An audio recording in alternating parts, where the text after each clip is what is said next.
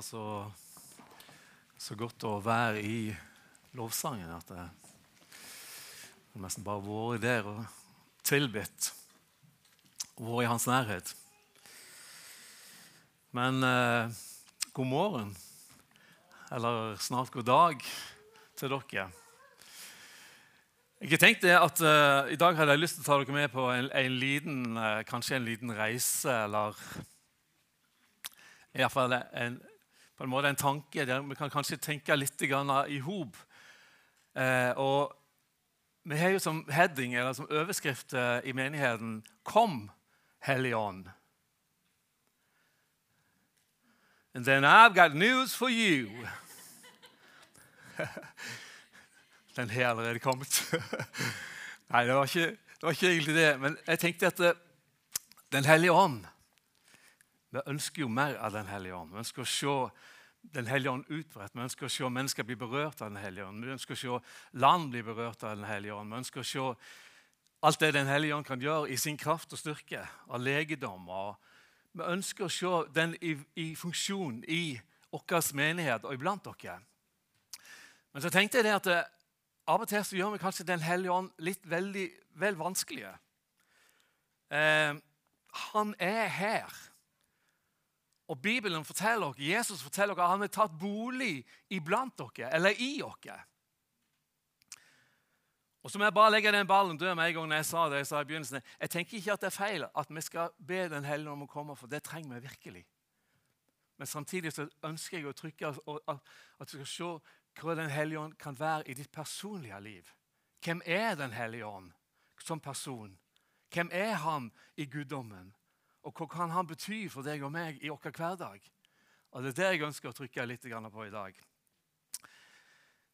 Jeg ønsker å vise og bevisstgjøre dere at Den hellige ånd bor i deg som er Guds barn, som er tatt imot Han.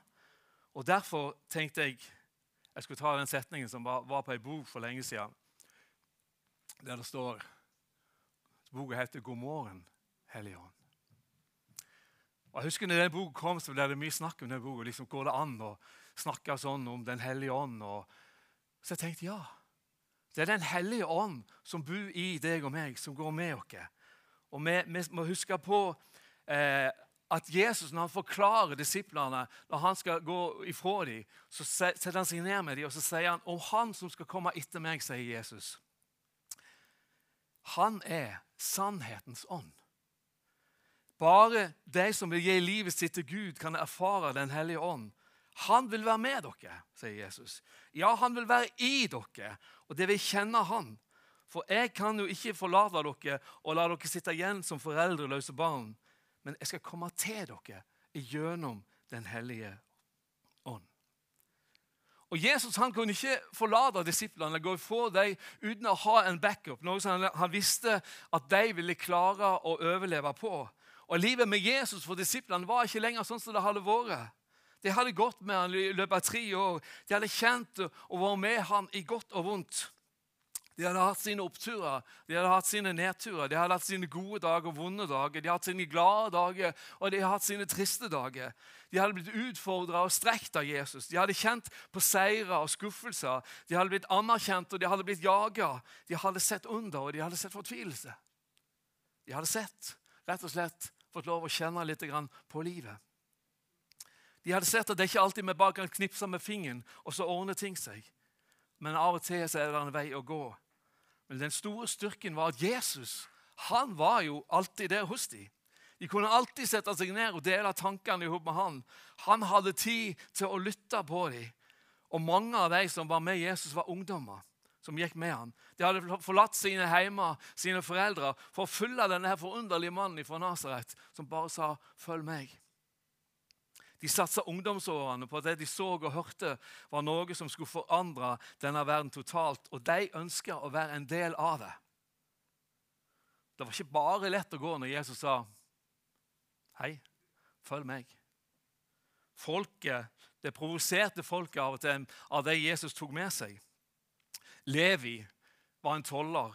Han forakta av folket. Og Plutselig får han spørsmålet mens han sitter der i sitt kontor. Jesus kommer bort og sier til ham, 'Følg meg'. Og hva skjer? Ja, folk ble litt irriterte. For tolleren var regna som uærlige og syndere. Og For liksom å toppe det hele så ser Jesus på Levi og sier hm, Levi, du skal ikke hete Levi lenger. Du skal hete Matteus, noe som betyr Guds gave. Og det er liksom Jesus topper det hele når folket står der. Så bare gir han han et nytt navn som påpeker enda mer hvor høyt han elsker Levi, og hvor høyt han setter mennesker, uansett hvem de var, og hvilken situasjon de var i. Jakob og Johannes var brødre, og han kalte de Jesus kalte de for tordensønner. Og Hvorfor sa Jesus det? Jeg tenker at Sebedeus, som var far til Jakob og Johannes, ikke var like happy når de bare forlot garnene sine og gikk ifra han og valgte å følge Jesus. Og Kanskje det er derfor de ble kalt for Tordensønnen. For Enten så hadde de et kraftig temperament, disse guttene, eller så var det eh, Sebedeus som ga kraftig lyd i for seg når han så at de reiste seg og gikk og fulgte denne mannen. Det vet vi ikke helt. Men Simon òg kommer til Jesus, følger han og får navnet Peter, som er klippen.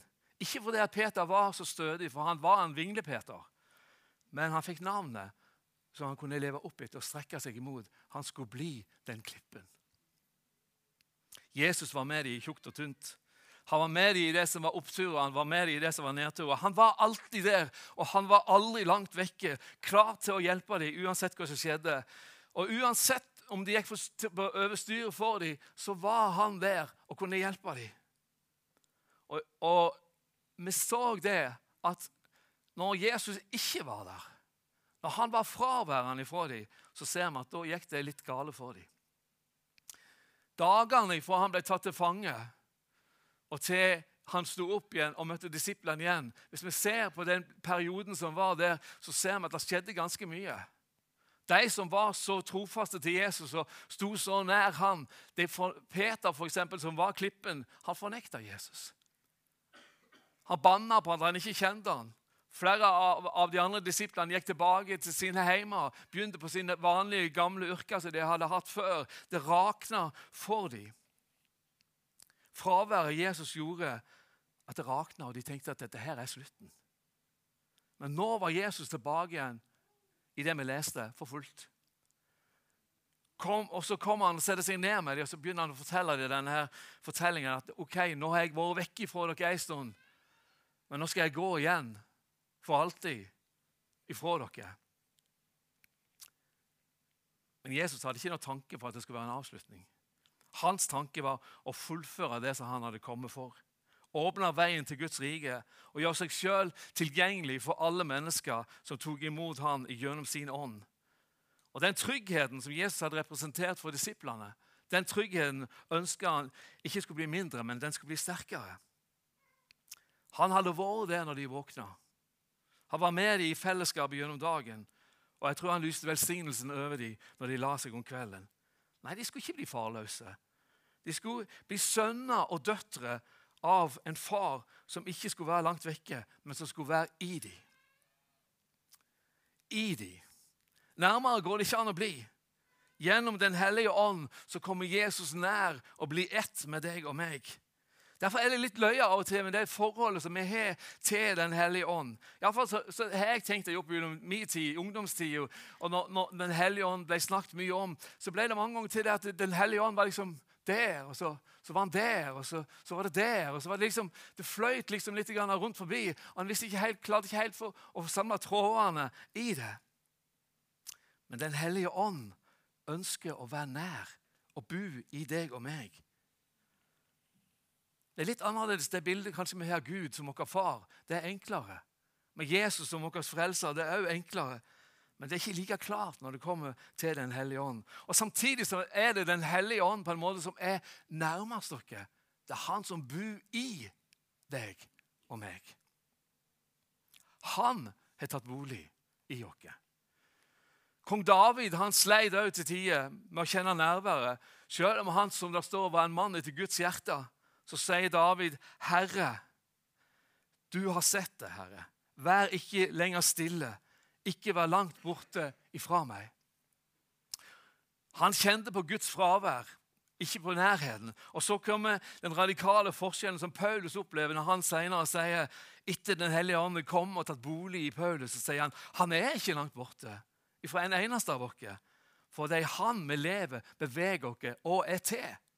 Paulus sier egentlig at han er i alt det som du og vi gjør.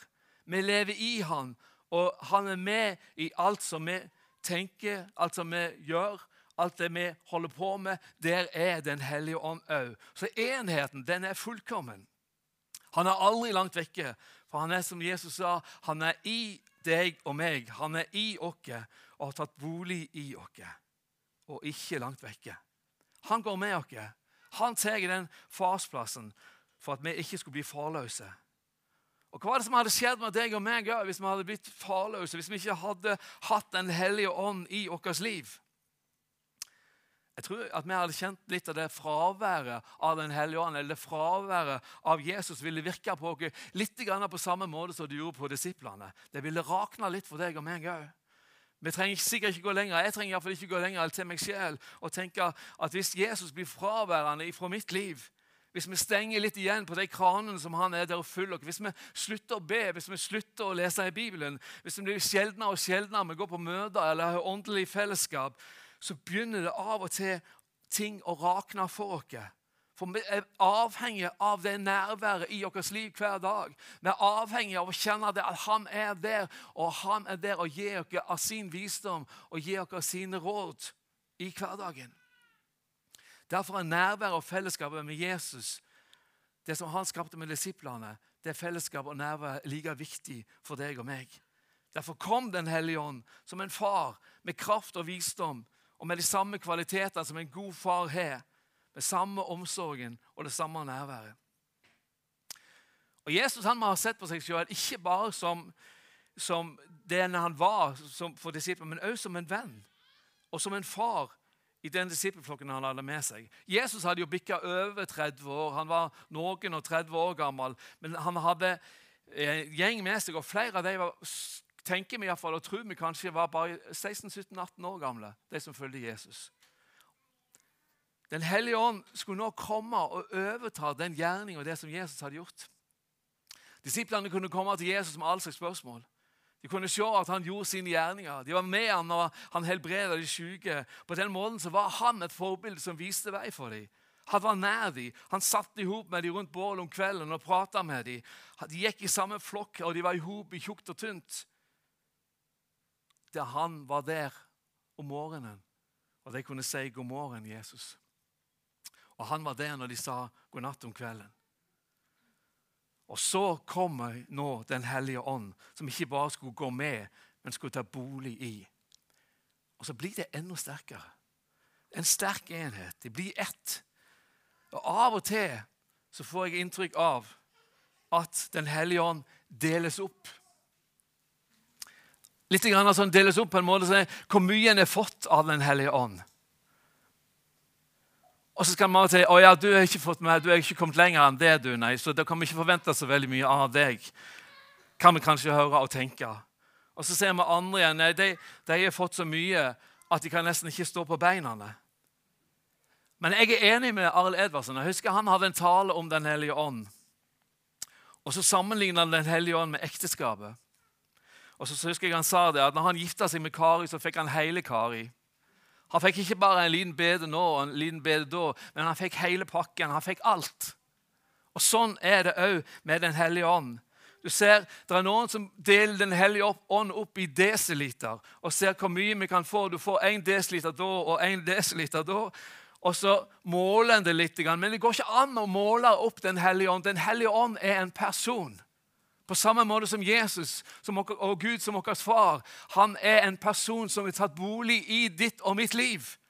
Og Han kan vi ikke ta og dele opp i, i litervis og tumme på noe her og tumme på noe der. Vi kan få noe ekstra, ja. Men den som bor i oss, han har du fått hele pakken av. Og han er der og ønsker å være med deg i, i din hverdag, i tjukt og tynt. Han er ikke hvilken som helst person men han bor i deg. Og så kommer spørsmålet Har du snakka med han i dag? Har du hatt en prat med Den hellige ånd i dag? Jeg synes det var så herlig når Randi var der, så sa hun det. Da sa Den hellige ånd. Og Silvia sa noe av det samme når hun, når hun leste det verset som hun gjorde. Den hellige ånd er noe som lever og som er i oss, og som er med oss i vår hverdag. Det er litt rart å ha en person buende hos seg og som alle snakker med. Eller som vi sjelden snakker med. Ikke engang sier vi 'god morgen' med frokostbordet når, når vi spiser frokost. Nei, han er bare til stede. Og Derfor har jeg så lyst til at vi skulle ha en bevisstgjøring av hvem er denne her Hellige Ånd som bor i oss. Han er en person som er til stede, og som har tatt bolig inn i ditt liv så lenge du er Guds barn. Og Han ønsker å være det og veilede og rettlede, sånn at vi kan av og til bare stå og si 'Hellige Ånd, hva gjør jeg nå?' Meg og Anita hadde litt sånn skøye på, på, fredag. for det, Da snakket vi litt om en klasse som var inne. Det er ikke alltid de er like rolige. og det Av, av og til så en bare får lyst til å så, og så bare stå sånn og si 'Kom, Hellige Ånd'. Altså, La oss få lov til å kjenne på roen her. sånn at det flyter. Men det, det, er sånn egentlig Den hellige ånd er. Han ønsker å være med Han ønsker å være med i samtalene våre. Han ønsker at vi skal spørre han til råds. Han ønsker at vi skal si, som disiplene sa til Jesus, 'God morgen, Hellige Ånd'. Her er jeg. Hva skal vi gjøre i dag? Og Det sa jeg i dag morges når jeg våkna. Jeg måtte nesten si det, for jeg hadde skrevet det her på lappen. Men jeg sa når jeg våkna først, jeg sa, så sa jeg, 'God morgen, Hellige Ånd'. Hva skal vi gjøre i dag? Hva ligger i denne dagen? Og så må vi ha et bevisst forhold til at da svarer han noe. Da kommer det gjennom noen tanker. Da kommer det noen ideer. Og Til mer vi utvikler den der forholdet til Den hellige ånd som bor i oss, til mer vil vi forstå, og til mer vil han kunne være med og veilede dere i de tingene som er i ditt og mitt liv. Han er en veileder som korrigerer, som rettleder, som oppmuntrer. Og han er et filter som alt kan filtreres gjennom, sånn at vi ikke blir så påvirket eller får for mange negative ting inn i livet vårt. Og Samtidig kan vi velge om vi vil filtrere eller ikke. Han springer ikke inn og ut. Så lenge vi tilhører og er Guds barn, så vil han være der. Men han ønsker mest mulig rom, han ønsker mest mulig plass. Han ønsker mest mulig at vi skal ta ham med og regne ham med i hverdagen vår. Det var bra ja, det var bra å vandre sammen med Jesus for disiplene. Men jeg tror faktisk jeg kan si at det er enda bedre og enda tettere det forholdet som du og meg i dag har til Jesus gjennom Den hellige ånd. Gud tvinger oss ikke, han gir oss bare valget. Han taler tydelig til oss, så må du og meg avgjøre og velge om vi vil at han skal få lov til å slippe til i livet vårt. Om vi velger å leve med Den hellige ånd-filteret på, så vil livet, i livet vårt så vil det gi en beskyttelse mot alt det som vi ønsker å ødelegge. Alt den negative påvirkningen som fins. Alt det vi ser, alt det vi hører som påvirker og former oss til å bli den som vi er. Og med filteret så vil han gi oss sine frukter, som er med å forme og danne oss til den som han ønsker at du og meg skal bli. Da kan vi snakke med han og si, 'Hellige ånd, hva tenker du?' Når du setter deg ned for fjernsynet og ser en film Nå skal jeg ikke gjøre det sånn at du får mar, altså, sånn påtvunget det. Men av og til er det godt å si, kanskje si til, til Den hellige ånd, for han er med og ser filmen, han òg. Jeg tror Av og til så tror jeg han må holde for ørene, av og til tror jeg han må holde for øynene. Men han er der. Men jeg tror av og til det, det er viktig for oss å se er, Hellige er dette bra for meg. Er det noe som er med å bygge meg opp, eller er det bare noe som river meg ned og gir meg dumme tanker? Ikke få tvangstanker, men jeg tenker bare at av og til så må vi tenke på det at det, det er ikke en person som er som liksom om Han bor her. Han, han er med på det som du gjør. Han er med i din hverdag, han er med deg på jobben. Uansett hva du finner på, for noe, så er Den hellige ånd der. Og da han tatt bolig i oss, så kan vi ikke bare viske han vekk. Eller, eller bare hive et teppe over oss og tenke nå ser han ingenting. Men han er der. Men vi kan be han om råd, be han om hjelp i hverdagen vår. Hellige ånd, hva hjelp, hva tenker du? Paulus utfordrer dere i Galaterne 5 til å leve et liv der ånden får dominere å leve under åndens innflytelse og slippe Han til i livet vårt. Du ser, Det vil alltid være en kamp mellom vår natur og Guds ånd. Det er to motstridende krefter. Det må en overgivelse til i livet vårt, der vi legger livet vårt i Guds hender. Da vil ikke livet bli hele veien en slitsom kamp i alt det som en prøver å stå imot. Derfor sier Paulus også til oss for dersom vår natur får leve ut sine lyster, vil det bare føre til ekteskapsbrudd, sex utenfor ekteskapet, urenhet med skamløse seksuelle fantasier og handlinger, at Gud blir byttet ut med andre guder, trolldom, hat, stridigheter, sjalusi, raseri, egoisme, splittelse, intriger, misunnelse, drap, full, umoralsk festing og alt det som følger med et slikt liv. Det er masse der. Nå er dere advart, sier Paulus. Jeg har sagt det før og sier det igjen. De som lever slik, får ikke være Guds barn eller arve Guds rike. Men åndens frukt, derimot, den er kjærlighet, glede, fred, tålmodighet, vennlighet, godhet, trofasthet, ydmykhet og selvbeherskelse. Det er Den hellige ånds frukt. Og det er det som vokser ut mer og mer i vårt liv. Til nærmere vi lever Den hellige ånd, til mer Han får plass og rom i vårt liv, til mer vil disse fruktene vokse ut i livet vårt, og folk rundt dere vil merke det. Det er noe som bor i dere. Det er noe med den personen. Det er en kjærlighet der. Det er en sannhet der. Det er en trofasthet, det er en godhet, det er en tålmodighet. Det er noe der som nesten ikke er menneskelig, men som er gudgitt. Fordi at en overlater tingene i livet sitt i hendene til Den hellige ånd. Og åpne den pakken som en har fått mer og mer opp, sånn at den får mer og mer rom i livet deres. I tillegg så sier Paulus videre i Efesene 5, 9, 9, at la Den hellige ånd få virke, slik at livene deres blir preget av godhet, rettferdighet og sannhet. La Den hellige ånd få virke. Vi må velge men Paulus fortsetter å si når Guds lys får ta bort alt det som er mørkt i livet, vårt, i livet vårt, er det befriende. Derfor sier han, våkne opp, du som er sløv, og lev et, liv, og lever et liv i synd. Kristus skal lyse for deg. Det skjer noe ser du, når filterne er på. Det skjer noe når han får lov til å være med og forandre oss. Og Det som kalles åndens frukt, får vokse fram i livet. Og Jo mer vi legger av tingene våre, av livet vårt i Guds hender, jo mer hjelp vi få av Ånden i den slitsomme kampen som det av og til kan være å stå imot alt det som prøver å påvirke oss negativt. Men vi må kapitulere.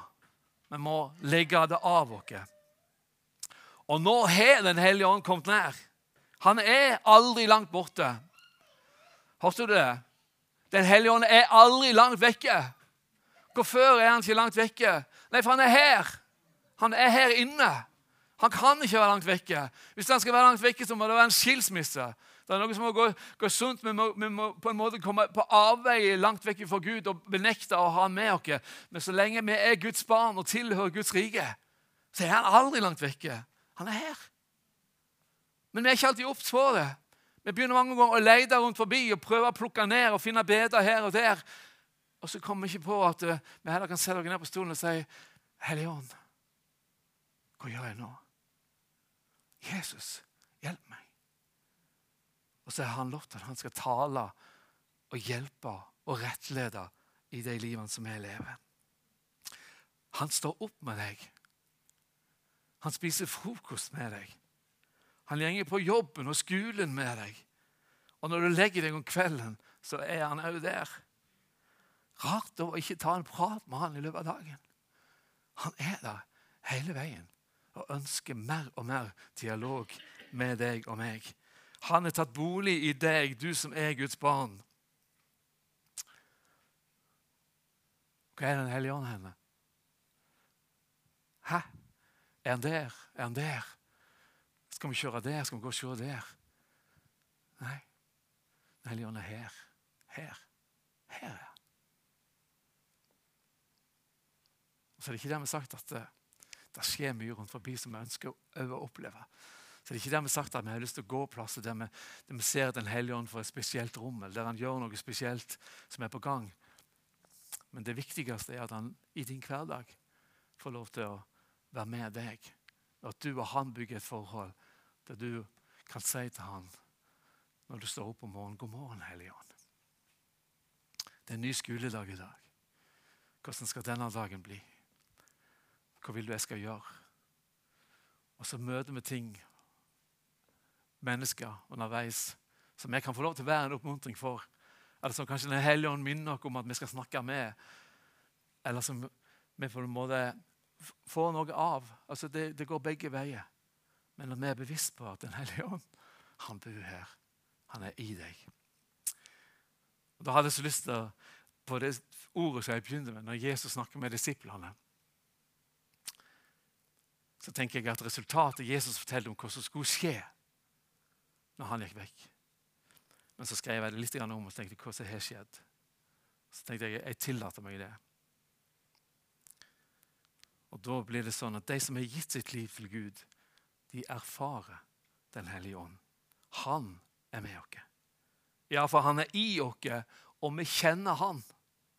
For han forlot dere ikke, og lot dere ikke bli sittende igjen alene som foreldreløse barn. Nei, han, Jesus, kom til oss gjennom Den hellige ånd.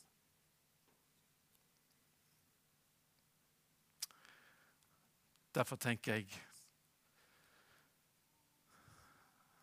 Jeg har ikke lyst til å si mye mer, og det gjelder like mye meg. Det, er sånn Når du sitter og jobber med noe sånt, så, så kjenner du bare at åh, Kurt, du må òg. Ja, jeg må det. Men jeg har ikke så mye mer lyst til å ha Den hellige ånd som en samtalepartner. Og være mer, mer bevisste på at han er der. Og kunne si 'God morgen, Hellige Ånd', eller 'God dag, Hellige Ånd'. Hva skal vi finne på, Hellige Ånd? Du som er veilederen, du som er den som oppmuntrer, du som er hans stedfortreder når han gikk med disiplene på jord. Du går med meg i dag. Hva vil du jeg skal gjøre i dag? Hvem mennesker skal jeg snakke med? Hva skal jeg bli påvirket av, og hvem skal jeg påvirke? Bli bevisst om at det, det er her han er. Det er her han er. Alle steds nærværende. Alltid til stede Aldri langt vekke ifra noen av oss. Får han bo og har tatt bolig i deg. Og Da tenkte jeg å ta et lite vers helt til slutt, som egentlig ingenting med dette å gjøre, men jeg syns bare det verset er så fint. Og jeg tenkte Når dagen er over, når alt er ferdig, når du, du har levd en dag som menneske i hop med Jesus og være bevisst på at Den hellige ånd er der i deg, så tenker jeg da har jeg lyst til å si det med David. Jeg kan legge meg med fred, fredelig ned og sove. For du, Herre, bare du gjør meg trygg. Og så kan jeg si god natt, Hellige Ånd. Dagen er over. Men jeg hviler trygt i deg, for du er der. Og uansett hva som skjer, om det er dag, eller om det er natt, om det er morgen eller om det er kveld, så er han der. Derfor er det så viktig at vi tar ham med, at vi regner med han. At vi regner med han i vår hverdag. At vi er bevisst på at vi kan snakke med han. At vi er bevisst på det at det, når du står i en situasjon det står til med det at Når vi møter motgang, eller når mennesker kanskje trakker oss ned eller kritiserer oss, eller vi blir stilt for retten, eller det står, så skal Den hellige ånd gi ord som vi ikke sjøl klarer å tenke. Så skal Han komme og gi oss de ordene vi trenger. Han ønsker bare å hjelpe oss. Han er en hjelper for at ditt liv skal bli best mulig. Han har noen filter for at du skal kunne filtrere vekk det som kanskje mer påvirker og ødelegger en del av livet ditt og gjør det, gjør det vanskelig. Så vil jeg at vi skal legge det over på han, så at han kan få lov til å vise hva som er rett og galt i livet vårt. Så ja, kom, Hellige Ånd. Men òg, ja, Hellige Ånd, jeg har fått hele pakken. Jeg vil pakke mer og mer opp. Jeg vil overlate mer og mer av mitt liv til deg. For jeg vet at du ønsker meg bare, bare godt.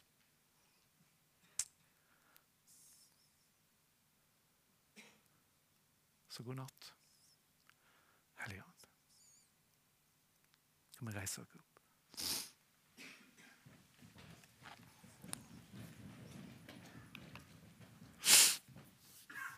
Kjære far. Jeg takker deg bare for at du er her i dag. Jeg takker deg, far. Jeg takker deg, Jesus. Jeg takker deg, Hellig Ånd, for den treenigheten som det er. Takk for at vi kan få lov til å komme nær, at du har kommet så nær som mulig med at du har tatt bolig i oss.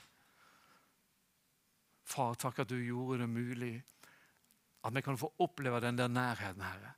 Og Jeg ber deg bare, Hellige Ånd, at vi skal ta deg på alvor i livet vårt. At vi skal være bevisste på at du er der med oss i hver en situasjon, Herre. Og at vi mer og mer overlater ting til deg og stiller spørsmål til deg, Herre, om hva som er rett og galt i livet vårt, sånn at vi får leve rett for deg. Herre. Det ber jeg om. Så må du velsigne hver enkelt som er her i dag, Herre, til å velge rett, Herre. Til å la deg få lov til å styre, til å la deg få lov til å veilede. Til å la, deg få lov til å oppmuntre. La deg få lov til å vise vei, Herre. For vi er ditt barn, Herre. Vi som har tatt imot deg. Og hvis det er noen her i dag her som ikke har sagt ja til deg, som ikke har tatt imot deg som ditt barn, og blitt ditt barn, Herre, så ber jeg for at de skal åpne sitt hjerte i dag og få lov til å kjenne kraften i Din Hellige Ånd, styrken av å tilhøre deg, og det fantastiske det å få lov til å tilhøre ditt rike. Det priser jeg deg for. I Jesu navn. Jeg har lyst til at Hvis det er noen her i dag som som kjenner på det at Den hellige ånd og meg er ikke helt der vi skulle vært. Den hellige ånd og meg er ikke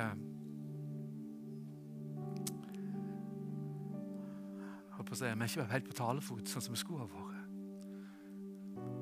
Så er det en mulighet i dag til å gjøre en bestemmelse i ditt liv og tenke at jo, jeg skal la Den hellige ånd få få den plassen. Jeg skal få, la han få lov til å, å komme på talefot med meg i mitt liv. Og være med og veilede meg i min hverdag. Så blir det en personlig ting som du gjør. For det, er bare du som kan bestemme det. Bare du som kan åpne opp det, bare du som kan lukke igjen. Det kan bare du som kan ha dine avlukk som du ikke vil åpne opp kanskje og gi til, til Den hellige ånd. Og det er ditt liv. Men Den hellige ånd er bare godhet. Han ønsker bare å forandre deg til det beste. Til den beste utgaven av deg sjøl. Sånn at du får det best mulige livet som han kan gi. Han er her i dag. Og samtidig, Hvis du er her i dag som ikke er Guds barn, eller som ikke har tatt imot Jesus, ikke har sagt ja til han, at du ønsker å leve 100% for han, så kan du bli et Guds barn så kan Den hellige ånd få lov til å komme inn og ta bolig i ditt liv. Og så får du en samtalepartner. Så får du en som er der i din hverdag, og som hjelper deg i de tingene du står fast i. Så gir han deg glede. Så gir han deg seire. Han elsker deg, og derfor ønsker han det. Ber bare at jeg skal lukke øynene igjen. Kan vi gjøre det bare en liten stund? Så jeg har lyst til at Hvis det er noen her som kjenner at de har lyst til en ekstra forbønn, så skal jeg ta dere med i en felles bønn. Og jeg har lyst til at Du skal rette opp de håndene hvis du kjenner at jeg trenger en forandring i mitt liv. Jeg trenger, eller jeg trenger å ta imot Han for å bli et Guds barn. Som først tar, Hvis du kjenner på det at jeg trenger en forandring i mitt liv Jeg vil øye mer til Den hellige ånd i dag. Så rett opp i de håndene i Jesu navn. Vær frimodig og løft opp hånda di. Jesus ser de, han ser de. Han ser deg. Er det flere, så er du frimodig å gjøre det. Ja, så, så, ja.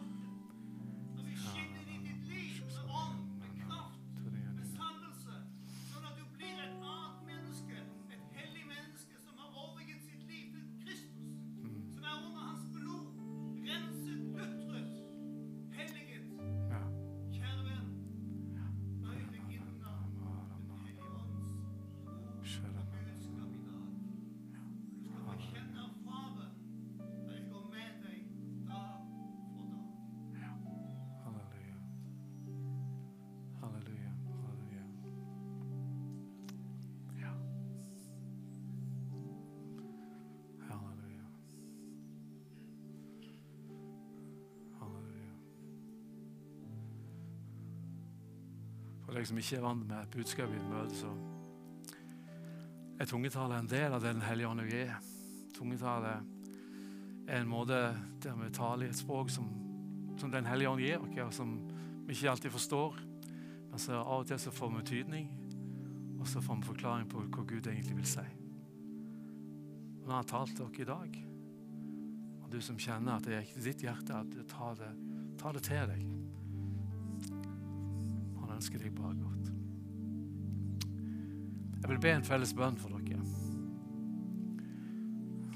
Utrolig mange gode hoder her i dag. Kjenner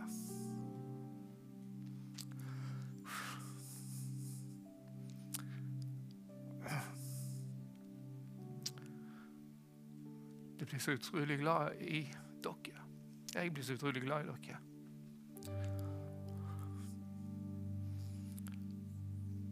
Jeg kjenner bare vi må passe på hverandre. Som ikke blir sånn som disiplene opplevde når Jesus hadde fravær av Jesus var der, at de forsvinner vekk.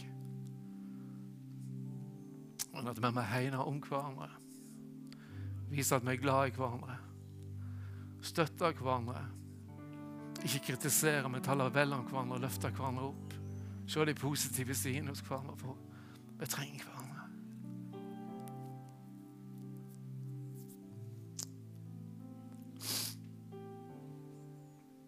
Så Jesus er bare legger hver enkelt hånd som ble løfta, Herre, opp til deg, Herre, framfor deg. Og du vet hva den representerer. Be deg, far, du skal være hos dem, Herre. Be deg, Hellige Ånd, at du skal berøre dem med din kraft og din styrke.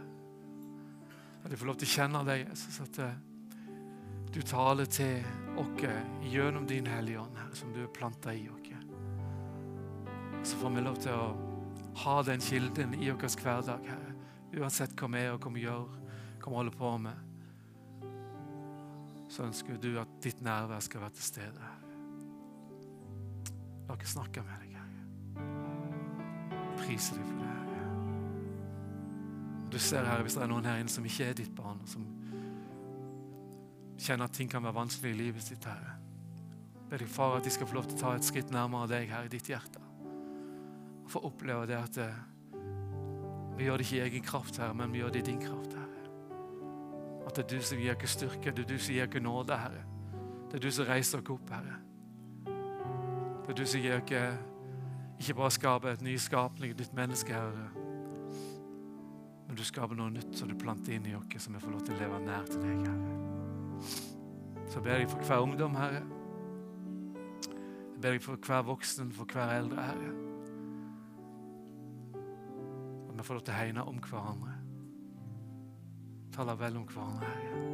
At din frukt, Herre, av godhet, av sannhet, av kjærlighet, barmhjertighet, Herre, trofasthet At jeg får lov til å vokse i vårt liv, Herre. Sånn at verden rundt dere får se at du lever i oss på en positiv og god måte. Herre.